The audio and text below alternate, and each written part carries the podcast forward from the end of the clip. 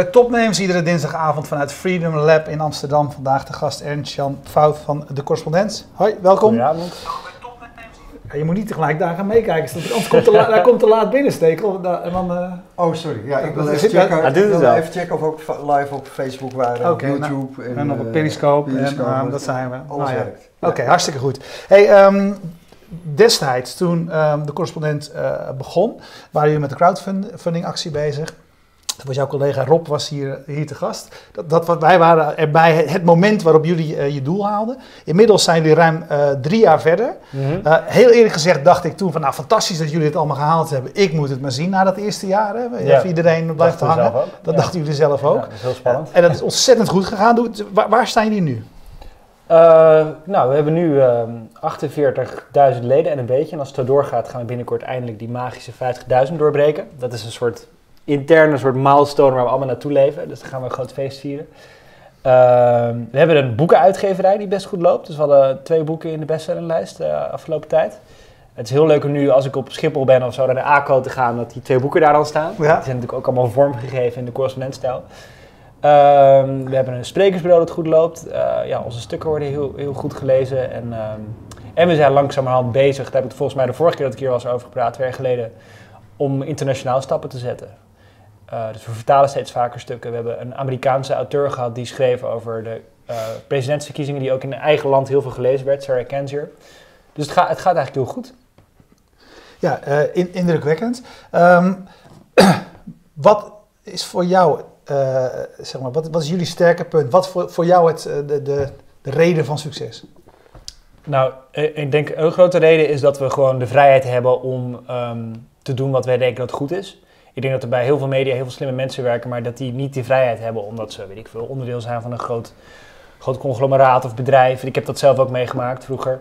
Ehm, dat is denk ik waar het begint. En die vrijheid die gaat in de hele organisatie door. Dus onze auteurs hebben ook eh, grote journalistieke vrijheid. Dus ze kunnen zelf bepalen wat ze gaan onderzoeken. En natuurlijk overleggen ze erover met de hoofdredactie, maar zij brengen die ideeën aan. Het is niet dat een chef zegt van nou, cover dit even of ga daarheen. De auteur komt met een idee. Hetzelfde geldt voor de boekenuitgeverij. Daar is ook veel vrijheid. Dus de, onze boekenuitgever Milou Klein Langkorst runt haar eigen zaak eigenlijk. En natuurlijk overlegt ze dan met ons van wat zal ik aanpakken. Maar ik denk dat we, dat we gewoon ja, die vrijheid door de hele organisatie hebben, dat dat goed werkt. Of de vrijheid van onze leden om eh, stukken te delen. Of te mengen in het journalistieke onderzoek. Eh, dus dat, dat is voor mij wel echt een terugkerend thema. Ja, dat blijf ik wel vrij uniek vinden, want eh, dat valt mij nog steeds elke keer op. Dat jullie hebben, dat was toen, eh, toen jullie begonnen, was een grote discussie over hoe richt je nou zo'n paywall in. Ja. Dat was bij jullie natuurlijk ook een ding. Ja. Eh, jullie hebben toen besloten dat jullie leden vrij mogen delen. Ja. Dus als je als lid een artikel deelt op de, via Twitter of Facebook, maakt niet uit. Eh, dan is het ook toegankelijk voor eh, de vrienden van die persoon en Ja. die kan het gewoon lezen. We hebben eigenlijk gewoon een krantenknipsel, eh, daar digitale vertaling van gemaakt. Ja. Dus je ziet alleen maar het stuk, niet de comments, je kan niet navigeren Nee. naar een andere pagina dan de Word Lid pagina. En daarboven staat dit stuk is je cadeau gedaan door betalend lid Precies. en dan de naam. Ja, en, en eh, eh, wat ik nou interessant vind, want ik had het eh, laatst nog eens met iemand over, hebben jullie ook kunnen meten in hoeverre dat dan leidt tot conversie, tot, of dat abonnees oplevert? Het eerste jaar hield dat heel goed in de gaten en dat Ja. was eigenlijk ook onze enige ja, marketing tool. Ik weet Ja. dat ons marketingbudget toen 300 euro was, had Facebook advertentie. Ehm, Gratis waarschijnlijk, ja, ja. opgespaard. Dus toen, toen groeiden we heel erg door, door, door die stukken die gedeeld werden. Ik moet eerlijk zeggen, als het over het onderwerp meten gaat, dat we daar gewoon niet zo aan toe komen. Ehm, Hoeft, eh, blijkbaar niet nodig. Nee, want we, we proberen alles zo bij te benen dat we nog, nog steeds niet goed komen aan goede dashboards en zo. Nou, want we zijn gewoon functies aan het maken waar leden wat aan hebben. Dus AB-testen, natuurlijk doen we dat hier en daar wel, dat soort dingen. Of, eh, of conversie meten, een beetje. Maar eh, ik denk dat ik een van de, ja, de meest blinde uitgevers van, van Nederland ben in dat opzicht. Omdat we gewoon nog niet aan optimalisatie zijn toegekomen. Nee, maar goed, je, je formuleerde net als nou, bijna historisch eh, doel die 50.000. Dan heb je Ja. toch ook wel een strategie Ja, om dat te wel- halen. Ja, Hoe, wat is dan je belangrijkste eh, middel? Of wat zijn je, wat, hoe, hoe, doe je dat? Welke middelen gebruik je dan? Ehm, nou, dus deels door de leden de mogelijkheid te geven echt als een ambassadeur te fungeren. Dus niet alleen door stukken te laten delen. Dus ze kunnen die stukken delen, maar ze kunnen bijvoorbeeld ook correspondent cadeau doen. Ehm, eh, wat we, we organiseren evenementen waar we die, de band met hen aanhalen. Deels door, en dat is, bleek het, ik, we, dus we hebben dit sprekersbureau, we hebben die, ehm, we hebben de boekenuitgeverij, uh, we hebben een podcaststudio, een videostudio. En ik vertelde het laatst aan een vriend van mij, die studeert aan de Harvard Business School. En die zei, uh, oh, wat jullie hebben is het Walt Disney model uit 1957. Oh, ja. ik, had, ik, had, geen idee wat dat was, maar dat is een prachtige tekening. die moet ook zeker in de show notes. En dan zie je Um, dan zie je dus in het midden zie je de Creative Studio van Disney. En daaromheen zie je allemaal divisies. De theme parks, de, de muziekafdeling. En hoe die elkaar allemaal versterken. En ik denk dat wij, dat hebben wij dus ook een beetje. Want als je dat boek, van, bijvoorbeeld van dat boek, um, Je hebt zoiets te verbergen, ons privacyboek, zijn er 30.000 exemplaren verkocht. En er zitten dus 30.000 bladwijzertjes in met probeer de voor een maand. Dus door telkens voor, voor elk verhaal het beste mediumtype te kiezen en daar altijd weer een lidmaatschap terug te laten komen, denk ik ook dat we gegroeid zijn nou ja, het is van bijna vanzelfsprekend natuurlijk, maar door gewoon proberen zo, ja, zo goed mogelijk producten te leveren, dus, dus zo goed mogelijke stukken te schrijven en altijd te onthouden van ons doel is mensen te informeren en niet zozeer alleen maar een aandacht te trekken. Ja. Um, maar het is echt die, de, die, die olievlek-strategie, want ik zie jullie heel weinig op dit moment terug in de, de grote media of uh, mm -hmm. advertenties of, of, weet ik wel. Ja, nou ja, die, dat, dat is grappig aan wie je het vraagt. Want sommige mensen klagen dat we weer te veel terugkomen in... Uh, oh ja? Ja. ja, dan zie nee, je, ja, zie je hoe selectief dat is. Ja, nee, we hebben wel eens correspondenten die bij de Wereld Daardoor zitten of die TED-talks geven of dat soort dingen. Ja. ja. Als je... Um, maar het is wel een grassroots ding inderdaad. Het is wel gewoon via de leden gegroeid. Ja. ja, maar ook heel erg door, door uh, de persoonlijke insteek. Hè, van Rob bijvoorbeeld. Mm -hmm. uh, die krijgt altijd wel weer een mailtje van je helpt ons als je lid wordt, et cetera. Ja. Heeft dat nog moeite gekost bij jullie? Want dat is geen klassiek journalistiek ding. Hè? Dat een, mm -hmm. uh, een schrijver, een hoofdredacteur, een, dat die eigenlijk zo persoonlijk richting mensen gaat van, weet je wel, maak het geld nou over, want we gaan het nog ja. beter maken daarmee. Nou, dat, dat, dat, moeilijk? Ja, het persoonlijke werkt door in, in die marketingmails natuurlijk, maar ook in... Um, in de, hoe onze correspondenten werken. Het zijn eigenlijk, zij, wij geven heel veel mogelijkheden om persoonlijk contact te hebben met leden. En, en natuurlijk, dat heeft een zakelijk doel, want de retentie wordt daar hoger van, want je krijgt meer loyale leden. Maar dat is eigenlijk een neveneffect. Het hoofddoel is dat daardoor, als een journalist als een gespreksleider zich kan gedragen, dat hij dus meer uit de community kan halen qua kennis. Um, en het zet hem niet zozeer in, dat, in het persoon, de persoonlijke benadering, maar meer hoe je dat goed doet. Dus we hadden in het begin tuinen noemden we dat. Dat waren dan een beetje de persoonlijke pagina's van correspondenten. En die moesten ze eigenlijk behandelen als een soort openbaar notitieboekje. Nou, dat werkte voor geen meter. Omdat ten eerste niemand daarheen ging, naar die pagina's. Geen mhm. enkele bezoeker gaat naar een directe... Die gaat niet op een site rondklikken. Dat gebeurt gewoon niet meer, behalve als je de New York Times bent. En um, wat, er, wat er ook niet aan werkte, is dat als een journalist of als een correspondent voor het platform moest schrijven... dan zat daar toch een soort drempel nog van. Dat je alles wil ja, op, de, op het woord wil wegen, alles mooi wil opschrijven. En, en dat niet zoals op Twitter, dat je gewoon inzicht geeft wat je aan het doen bent. Dus eigenlijk is dat pas echt gaan werken met de persoonlijke nieuwsbrieven. Ik denk nu anderhalf jaar geleden. Dat, we, dat we die tuinen minder belangrijk hebben gemaakt en hebben gezegd: als je een nieuwsbrief wil beginnen, go for it. En dat ja, ik, ik, geniet echt van die nieuwsbrieven van bijvoorbeeld onze klimaatcorrespondent of onze ontcijfercorrespondent. Ja, maar die is echt geweldig, die data. Uh, Zonneblauw. Ja, ja. ja vind ik echt briljant. Ja, en zij heeft dan van die rubriekjes in haar nieuwsbrief, de Nerd Alert. Ja, voor wie hem niet kent, uh, zij is echt helemaal gespecialiseerd in statistieken en, mm -hmm. en uh, probeert de, ja, elke keer dat weer in perspectief te plaatsen en met heel veel kennis van zaken, prachtige cases over hoe je statistieken moet wantrouwen en uh, daar doorheen moet lezen. Ja, en, uh, van, ja. van peilingen tot uh, ja. onder, onderzoekjes in het nieuws. Ja. En, ja. ja, echt geweldig. En, en zij geeft dus volgens mij wekelijks of twee wekelijks gewoon echt inzicht in waar ze mee bezig is. Dus ze deelt de boeken die ze gelezen heeft, de interviews die ze gedaan heeft, de reizen die ze maakt. En dat is dus, ja, dat persoonlijke zorgt wel voor dat je allemaal van die loyale niche communities krijgt. Mm -hmm. Het is trouwens grappig dat als je geen lid bent, je ook uh, je wel kunt abonneren op deze uh, correspondenten, ja. op, op deze specifieke nieuwsbrieven. Ja, ja die conversie ja. erop is, is, best wel, is best wel goed, beter dan op een algemene nieuwsbrief. Weet je wat voor mij wel een, een, een, een waterscheiding was? In, ik was altijd een enorm fan van Mark Chavan bij NRC Handelsblad. Mm -hmm. En die maakte een jaar geleden, denk ik, of zoiets. Ja, anderhalf, ja. de overstap naar jullie. Ja. Weet je, toch een, een echte gevestigde naam in de journalistiek. ja politiek commentator. Uh, dat was voor, maar goed, als, als fan van Mark Savant dacht ik echt van wow, weet je, dit, mm. dit is wel een moment dat er uh, echt wat gebeurt. Hoe, hoe hebben jullie dat voor elkaar gekregen? Dat is eigenlijk mm. mijn eerste vraag. Maar ook hoe pakt zoiets uit op zo'n jonge redactie? Want Mark is acht- 68. Ja, Ja. ik denk... eh, Echt een Nestor. Eh, Ja, nee, dat, zo noemen we hem ook. En, en Ja? ik, dus 50% van zijn werk zie je terug op de site. Dus hij houdt een politiek dagboek bij. En hij, hij schrijft trouwens ook een fantastische nieuwsbrief. Ja. Ik volg alleen maar die nieuwsbrief om de hoogte te blijven van wat er speelt in de politiek. Ja. Ehm, maar de andere helft van zijn werk gebeurt achter de schermen. Dat hij, hij maakt wandelingen langs de Amstel met, eh, met, de, met de vaak jongere correspondenten, of altijd jongere correspondenten. Eh, en praat over hun werk. Hij leest boeken tegen. We zijn nu een boek aan het schrijven over marktwerking. Dan leest hij mee. Dus hij, die, hij vervult die Nestor-rol echt. En bijvoorbeeld, Oh, leuk. hij zorgt ook voor, ja, voor het historisch perspectief. Dus als toen na de aanslagen in, in eh, eh, Parijs, dan is hij degene die omschrijft hoe, hoe Frankrijk in de afgelopen decennia met de terreur is omgegaan. Ja, een beetje het, het geheugen en eh, geweten. Ja, ja. Ja, mooi. Hey, een van de dingen waar jij eh, de afgelopen jaren, ja, misschien is mee worstelde, misschien niet het juiste begin, maar jij wil, wil heel graag eh, die input van, van de community bijdragen van mensen. Laat je deskundigheid eh, ook zien. ja. Maar ik lees ook wel eens berichten van je dat, dat dat niet makkelijk is om dat, dat op gang te krijgen op de manier zoals, jij het, zoals jij het zou willen. Vert- Vertel daar eens wat, wat over, want de potentie is natuurlijk enorm. ja. Hè, allemaal mensen die verstand hebben van zaken. Maar hoe krijg je die, die potentie zeg maar, verwerkt in de stukken? Ja, dus dat gaat, dat gaat eh, echt, echt goed. Dus vorige week bijvoorbeeld weer, dan, dan, toen, eh, toen hebben Rob en ik letterlijk geproost op een nieuwsbrief van een van onze correspondenten, Talia Verkade, die onderzoek doet naar batterijen. Ehm, ze, wil, ze is correspondent mobiliteit, maar ze moest dus beginnen met batterijen, omdat die natuurlijk in al die auto's zitten.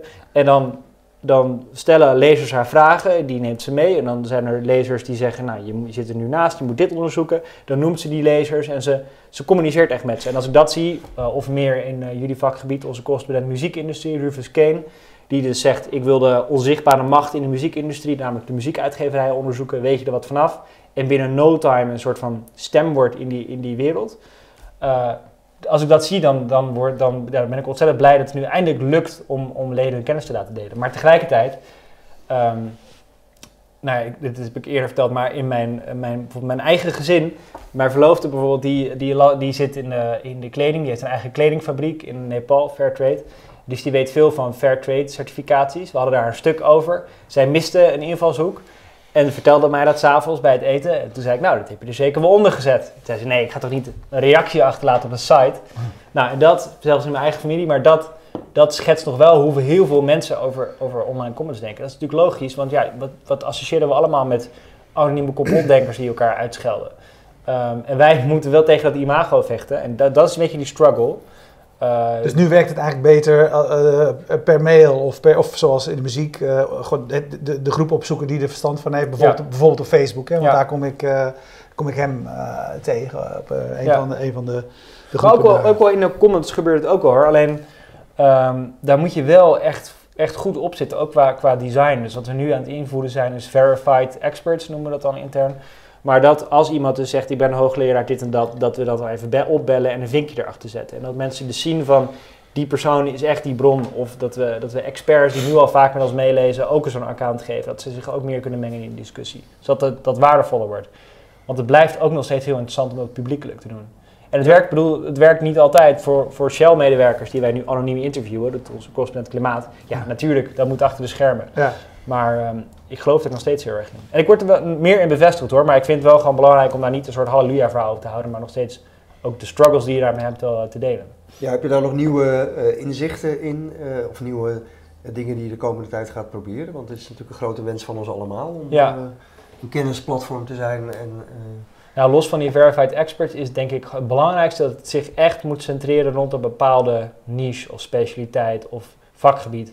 Dan werkt het gewoon. Kijk, zodra je het over, zodra je een generalistische column over Trump schrijft, dan Ja. kan je het vergeten. Nee, maar Dan- natuurlijk, eh, kijk, in de tijd dat ik bij de NOS dit soort dingen probeerde, zeiden wij altijd van, eh, eh, vertel ons niet wat je vindt, maar vertel ons wat je weet. Ja, precies. je, want daar gaat het natuurlijk om. Ja. En het probleem is natuurlijk dat je onmiddellijk op, op dit soort onderwerpen allemaal mensen krijgt die van alles vinden, maar daar, Mhm. daar heb je niet zoveel aan. Nee, nee, het enige wat je, wat je bij dit soort onderwerpen nog af en toe hebt, is dat mensen goede artikelen delen waar je wat aan hebt. Maar, Precies. Ja. ehm, maar het alle, allerbelangrijkste is gewoon dat de journalist in kwestie het als zijn of haar werk ziet. Dat Ja. je dus met die leden in gesprek bent. En dan werkt, dan werkt het. Je- Het, eh, eh, nou, eh, fantastisch wat, dat, dat jullie zoveel mensen hebben die jullie eh, eh, steunen en je werk mogelijk ma- maken. Maar ook als ik de podcast was luister, die, eh, die jij met Alexander Klupping uh, maakt. Kijk, jouw doel is hoger. Wat, wat wil jij eigenlijk met uh, de correspondent bereiken? ja, nou, vooral om... om kijk, als je echt naar de big picture kijkt, dan is de journalistiek in de, is het, gaat het niet zo lekker. Omdat ehm, aan de ene kant is het vertrouwen van het publiek enorm laag. Dat zien we natuurlijk nu in Amerika heel duidelijk ook gebeuren. Daar 32% van de Amerikanen denkt dat de journalistiek zuivere koffie is. Dus 68% niet. Ja, dat is echt bizar, hè? Ja, en ze, makelaars hebben een betere reputatie dan journalisten. Ehm, en, en je hebt dus al die platforms, waar wij nu allemaal live uitzenden, die, uh, die proberen dat wat de journalistiek commercieel zo interessant maakt, daar een monopolie op te bemachtigen, namelijk onze aandacht. Dus het is best wel een, een pittig landschap. En, en um, waarom, waar, waarom ik in ieder geval dit doe, is om ervoor te zorgen dat je nog steeds mensen gewoon goed kunt blijven, kunt blijven informeren. Zo simpel is het eigenlijk. En helpen de wereld om hen heen te begrijpen en de macht te controleren. Dus ik was laatst op een, um, op een conferentie waar iemand um, na afloop van een, een, een, betoog van mij vroeg... Uh, waarom hebben we journalisten eigenlijk nog nodig? Wat is nou helemaal jullie functie? Want jullie schrijven toch alleen maar... Uh, van die uh, clickbait headlines en mensen kijken het liefst toch naar Hart van Nederland. Dus wat is je functie eigenlijk? Nou ja, dan de enige manier op zo'n vraag te beantwoorden is door het heel dichtbij te brengen. Namelijk dat je geen illegale gifbelt in je achtertuin wil. En die komt er wel als de lokale macht niet gecontroleerd wordt. En dat, ik denk echt dat journalisten weer duidelijk moeten maken van wij zijn hier uh, voor jou. We, zijn, we kijken eruit voor jou en we zijn je, de watchdog van, van de democratie. En ik hoop heel erg dat we dat niet alleen met de correspondent, maar ook met andere media weer die missie kunnen vervullen. En volgens mij, om dat goed te kunnen doen, moet je af van advertenties. Oh, en moet je echt naar een model toe waar mensen betalen, waar je service bent, waar, waar je dus echt... Kijk, wij denken alleen maar na, hoe kunnen we de lezer goed informeren? We zijn echt een product en als we een slecht product maken, is het afgelopen. Um, terwijl heel veel journalisten nu voor bedrijven werken waar de prikkel meer is. Zorg nou maar voor bereik of een interessante doelgroep. Uh, dertigers die drie keer modaal verdienen of zo. En dan, uh, dan kunnen wij daar dat monetizen. Dat is een heel andere ja, motivatie. Ja, wat ik ook wel fascinerend vind, want je, je noemt het een paar keer die band met, met, uh, met je lezers, met je leden in jullie geval. Waarom is het nou de gewone kranten? Kijk, jullie, jij praat heel anders over je leden dan iemand bij NRC over hun abonnees. Mm -hmm. Um, waarom is het die kranten niet gelukt om die lezer uh, die status te geven die hij natuurlijk gewoon verdient. Die, die abonnee bedoel ik. En, voor de goede orde, jij, jij komt er vandaan en, uh, en Rob ook. Ja, ja, en, ja weet je, een, een, abonnee van de NRC betaalt veel meer dan een, een lid van uh, de correspondent. En jullie plaatsen ze op een, op een bijna voetstuk, weet je. We doen het voor die leden. Je wil de leden erbij betrekken. Ja. Uh, je communiceert met de leden. Waarom lukt dat die kranten niet? Wat is ik denk omdat in... papier een heel... Um, dit is gewoon one-to-many. En het is heel onpersoonlijk. Ik weet nog wel dat ik, dat ik dan een artikel schreef voor pagina 8 van Handelsblad. En, en dat was de eerste keer heel vet, omdat ik dan in NRC stond en mijn oude economieleraar zou zien. Maar daarna, er gebeurde helemaal niks of zo. Misschien dat dat nu ietsje anders is, omdat je dan nog op Blendel terechtkomt of zo. Maar er gebeurde helemaal niks. En dit voelt niet alsof mensen het lezen. Als ik het twitterde, had ik het gevoel dat het bestond. Als het in de krant stond, ja. Ja als ik in de trein zat, dan kon ik misschien iemand het zien lezen. Maar dat, dat was het. En een krant is natuurlijk nog wel nog hoe je het bent of bij elke Nederlandse krant, papier dus, gewoon de moneymaker. Uh, dus in het jaar dat ik bij NRC wegging, werd er gewoon 12 miljoen winst gemaakt nog steeds. Uh, en daar worden al die honderden journalisten van betaald. Dus ik denk, ik denk nog steeds, ook al, is, ook al beginnen steeds meer individuele journalisten door te hebben, dat ja, op internet heb je tenminste wel bereik.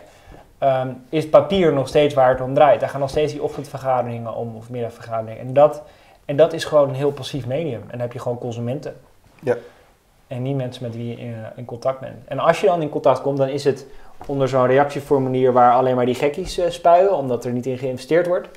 Um, als je niet in je relatie investeert, gaat het ook niet goed. Nou, dat is ook, als je niet in je lezers investeert, dan, dan is het ook een rotzooi. Um, ja, dus wat hou je dan over? Een soort wantrouwen voor je lezer en, en een hele passieve relatie.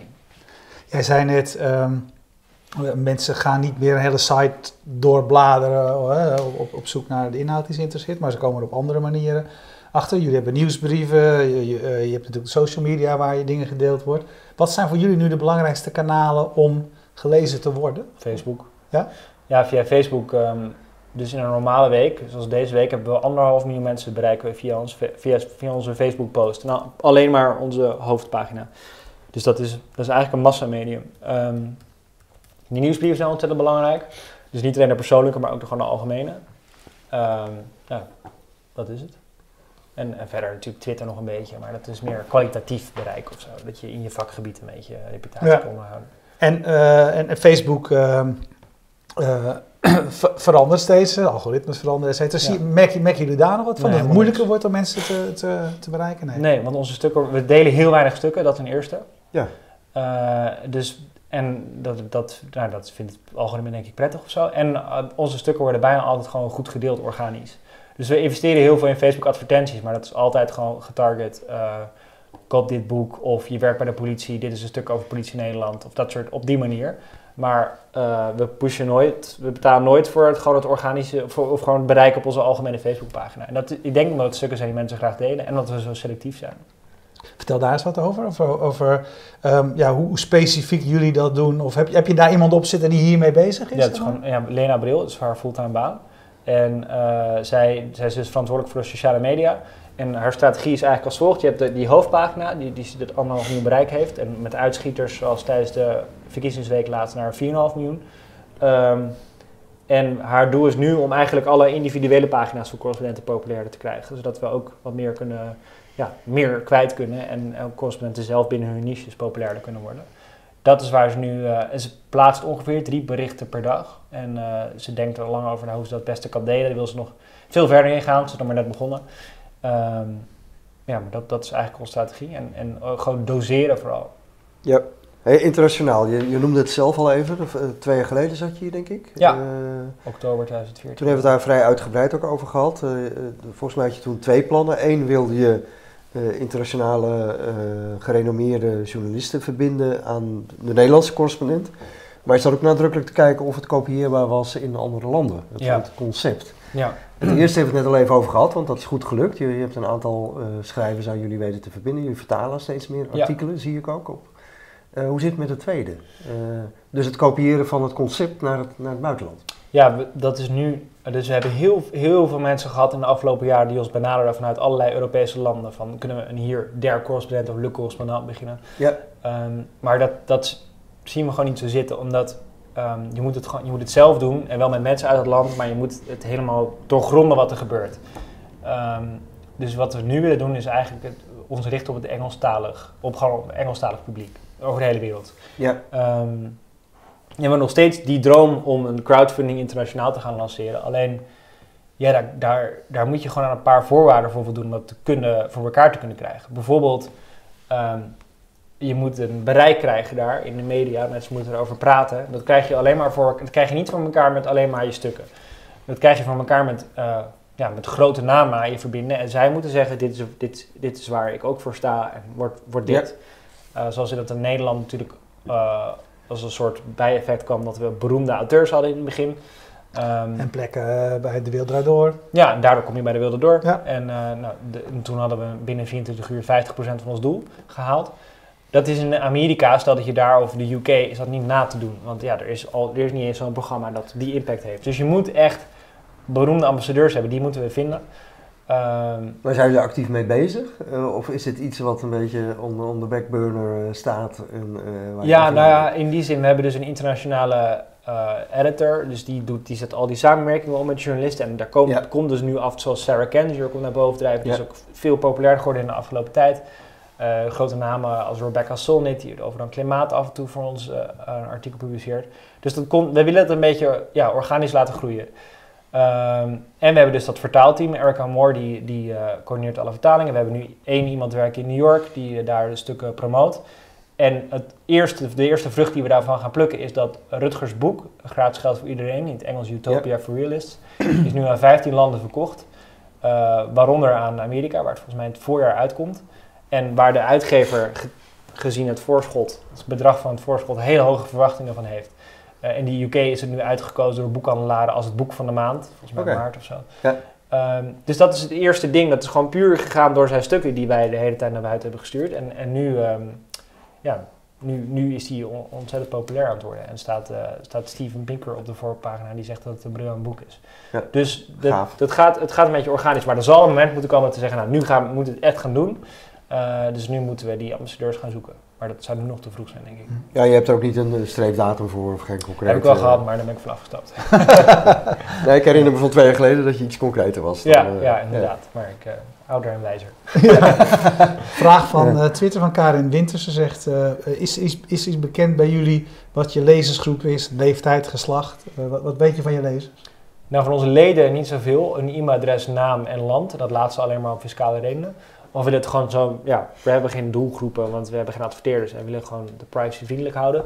Op Facebook kan je natuurlijk wel zien waar, waar mensen vandaan komen eh, en hoe oud ze zijn. Dat is de grootste leeftijdsgroep 25 tot en met 34. En dan zie je veel grote steden, veel universiteitssteden bovenaan staan. Ehm, ik kijk, we, schrijven, we publiceren voornamelijk lange lappen tekst. Even oneerbiedig gezegd. Dus dan kan je wel raden wie ons leest, namelijk een hoogopgeleid publiek dat gewend is aan informatie tot zich nemen met lange lappen tekst. En nu, daarom hebben we nu bijvoorbeeld zo'n filmstudiootje dat we, Rutger Bregman bijvoorbeeld schrijft jaren over de basisinkomen met die lange lappen tekst of een boek. Ehm, eh, en dan vragen we hem, nou, vat het samen in, in of ja, vat de kern eens samen in twee minuten in een geanimeerd filmpje. En die heeft letterlijk miljoenen mensen bereikt op Facebook. En op die manier proberen we wel toegankelijker te worden voor, voor een breder en divers publiek. Maar dan moet het natuurlijk veel, veel verder ingaan. Want ja, de, de, de, eh, we bereiken nu dus alleen maar mensen die via, die via eh, tekst informatie tot zich nemen. En dat is vaak een hoogopgeleid publiek. Klopt is dat, dat is dat een probleem? Nou ja, je wil, als journalist wil je eh, een impact hebben met je verhalen. En je wil, wil, als je iets boven tafel krijgt of als je een belangrijk inzicht hebt, dan wil je dat, dat je daar... Ja, je doet het niet voor, voor je eh, borrelclub of zo. Je wil gewoon dat zoveel mogelijk mensen die daarbij gebaat zijn, dat, dat onder ogen krijgen die informatie. Dus dan moet je het niet alleen maar, dat is nu natuurlijk een kwestie van, van geld en zo, niet alleen maar in tekst doen, maar ook gaan nadenken van hoe kan ik die mensen op een andere manier bereiken. Ik heb wel eens gedacht, moet er niet een, een soort eh busfeed versie van de correspondent komen, waarmee Ja. je dus eh, op, op hele andere manieren on- onze inzichten naar een groot publiek brengt, zonder het dommer te maken of zo. Nou zie ik ook, het kan zijn, ik volg niet alles natuurlijk, maar eh, klopt dat ik ook Rob Wijnberg vaker in die videocolumns eh, zie de laatste Ja. tijd? Eh, Klopt. met name op het onderwerp Wilders en populisme. Ja. Is dat ook zo'n poging om te verbreden? Ja, of, of hij heeft bijvoorbeeld laatst een column geschreven gericht aan de PVV-stemmer over, over Ja. wat, je, wat we gemeen hebben, wat hij gemeen heeft met hen, om een soort common ground te zoeken. En die hebben we dan gewoon letterlijk op Facebook PVV-likers getarget en een, stuk aan ze getoond. Dus op die manier proberen we wel door die bubbel heen te breken. En wat gebeurt er dan als je dat gedaan hebt? Wat, Nou, wat krijg je de- dan terug? Ik weet alleen de cijfers van de eerste twee dagen. Toen hebben 100.000 mensen dat gezien en er 10.000 opgeklikt. Oké. Eh, dus dat is best aardig. maar goed, dat is nog En een was soort dat een vingeroefening. geschreven column of was dat ook was een, geschreven een van die video's? Ja, en die video die, die heeft een enorm bereik. Ja, die is me- mega veel gedeeld. Hè? Ja, ja. Ja. Maar, maar goed, dat zijn nu nog een soort vingeroefeningen en we moeten daar natuurlijk veel verder in gaan. Maar ik vind het wel gaaf dat jullie, volgens mij als een van de weinigen, inderdaad die filterbubbel eh, ook gebruiken. Ja, Dus om juist buiten je bubbel eh, heel gericht eh, mensen te benaderen. ja. Maar ik denk overigens wel dat op elke redactie daar nu over gaat natuurlijk. Tuurlijk. Zeker ja. na Trump. Maar vind de middelen maar eens en, en, de, en de inhoud om het te doen. Ja. Ja. Nou ja, en Facebook, ironisch genoeg, heeft, die dus verantwoordelijk is deels voor die filterbubbel, heeft ook precies de tools om die bubbel te doorbreken. Ja. Maar dan moet je dat wel bewust doen. Over twee jaar ben je er weer, toch? Hier? 2018. Ja. Ja, dat is een voorspelling. Maar goed, jullie eerste doel is die 50.000 halen, snap ik. Maar wat zijn voor jou nu, nu als, hè, we hebben over een aantal dingen gesproken. Wat zijn voor jou persoonlijk eh, de doelen die jij met eh, de correspondent stelt? Nou, inderdaad die 50.000, inderdaad voor een breder publiek bereiken. En niet alleen maar met, met eh, tekst. Ehm, en veel meer van die, die expertgroepen creëren. Die dus samen ehm, in hun eigen groepje, eh, bijvoorbeeld eh, huisartsen die over bureaucratie de zorg praten, praten met elkaar. eh, zodat onze correspondent zorg daar, dit, dit is al gebeurd trouwens, dit is een project van een jaar geleden, daar allemaal informatie uit kan halen. En kan concluderen dat huisartsen gemiddeld één dag per week aan het invullen van formulieren besteden. En dat dan vervolgens in een toegankelijk verhaal aan het grote publiek geven. Maar dat is dan een heel goed geïnformeerd verhaal, omdat daar niet lobbyisten of PR of whatever aan heeft meegewerkt, maar gewoon mensen van de vloer. Ja. Nou, dat zou ik met veel meer, dat kan je met honderd expertgroepen kan je dat doen. En ik denk dat je daar gewoon veel beter geïnformeerde journalistiek van krijgt. Ehm, dus ik zou dat veel meer willen uitbreiden. En, en, en dus ook niet alleen maar in Nederland, maar ook internationaal. Ja, nou wat ik gaaf vind, maar dat, dat, eh, vat dat op hoe je het wil opvatten. Maar ik vind het echt gaaf dat jullie de, de, de crisis in de journalistiek, want die is er natuurlijk gewoon, en de, de crisis in de geloofwaardigheid van de journalistiek, dat jullie volgens mij als enige op deze hele actieve manier proberen daar wat aan te doen. Mhm. En dat vind ik echt gaaf om te zien. Zie je ook dat, dat, dat ehm, weet je wel, andere media, nationaal, internationaal, ik zie dat je ook veel in het buitenland zit, Moskou, New York vorige Mhm. week. Is dat, is dat ook een onderwerp wat nu echt heel erg leeft? Of gaat iedereen gewoon op de automatische piloot? Nee, dat leeft heel erg. Ik denk dat elke journalist die zich afvraagt, zeker na Trump, van wat heb ik gemist? En hoe kan ik relevanter worden voor een grote doelgroep? Hoe kan ik die, die woede die ergens vandaan komt beter omschrijven? En dan moet je dus dezelfde vraag stellen als die, die en nog veel meer trouwens, de vragen die, die ik net stelde. Dus ik denk wel dat elke journalist erbij mee bezig is. Alleen we hebben gewoon het enorme geluk dat we ons helemaal kunnen richten op dat zo goed mogelijk doen. Omdat we dus betaald worden door leden en omdat we geen legacy hebben. Ja. Ehm, Ja, en geen commerciële verplichtingen. nee, dat precies. ook. Ja. Ja. Je hoeft geen eh, travel stories naar tropische eiland te schrijven om Nee. eh, advertenties eh, rond te krijgen. Wel jammer trouwens. Oké, super. Hey, eh, hartstikke bedankt. En eh, nou, zoals gezegd, eh, kijk, we- je- zoals je weet, we maken hier vervolgverhalen. Dus eh, we spreken elkaar weer. Yes. Ja, Tot dan. Bedankt. Dankjewel. Jullie bedankt voor het kijken en wij danken eh 2ML die ervoor zorgt dat de website van Fast Moving Targets altijd up and running is. We danken eh, Bier Co voor eh, de biertjes. Wat had jij gedronken, Sjel? Brutus. Lekker? En- Een en- amber en- biertje. Je mag een ongezouten eh, mening geven. Als je het niet lekker vindt, mag je het ook zeggen. Maar hoe was die? Het is heel lekker, maar ik kreeg wel een beetje droge mond ervan. Wat niet handig is tijdens een interview. Oké, Ja. dus eh, nou, die houden we die inderdaad in de gaten voor, eh, voor komende gasten. Uh, Streamzilla natuurlijk uit Groningen, die ervoor zorgt dat je altijd live eh, kunt meekijken. En even kijken, hoor, Freedom Lab, waar we eh, gehuisvest zijn. Eh, blijf bekijken als je nu live kijkt en eh, als je on demand kijkt, weet je dat je ons hele gigantische archief van ruim vijf jaar interviews kunt terugkijken. Dag.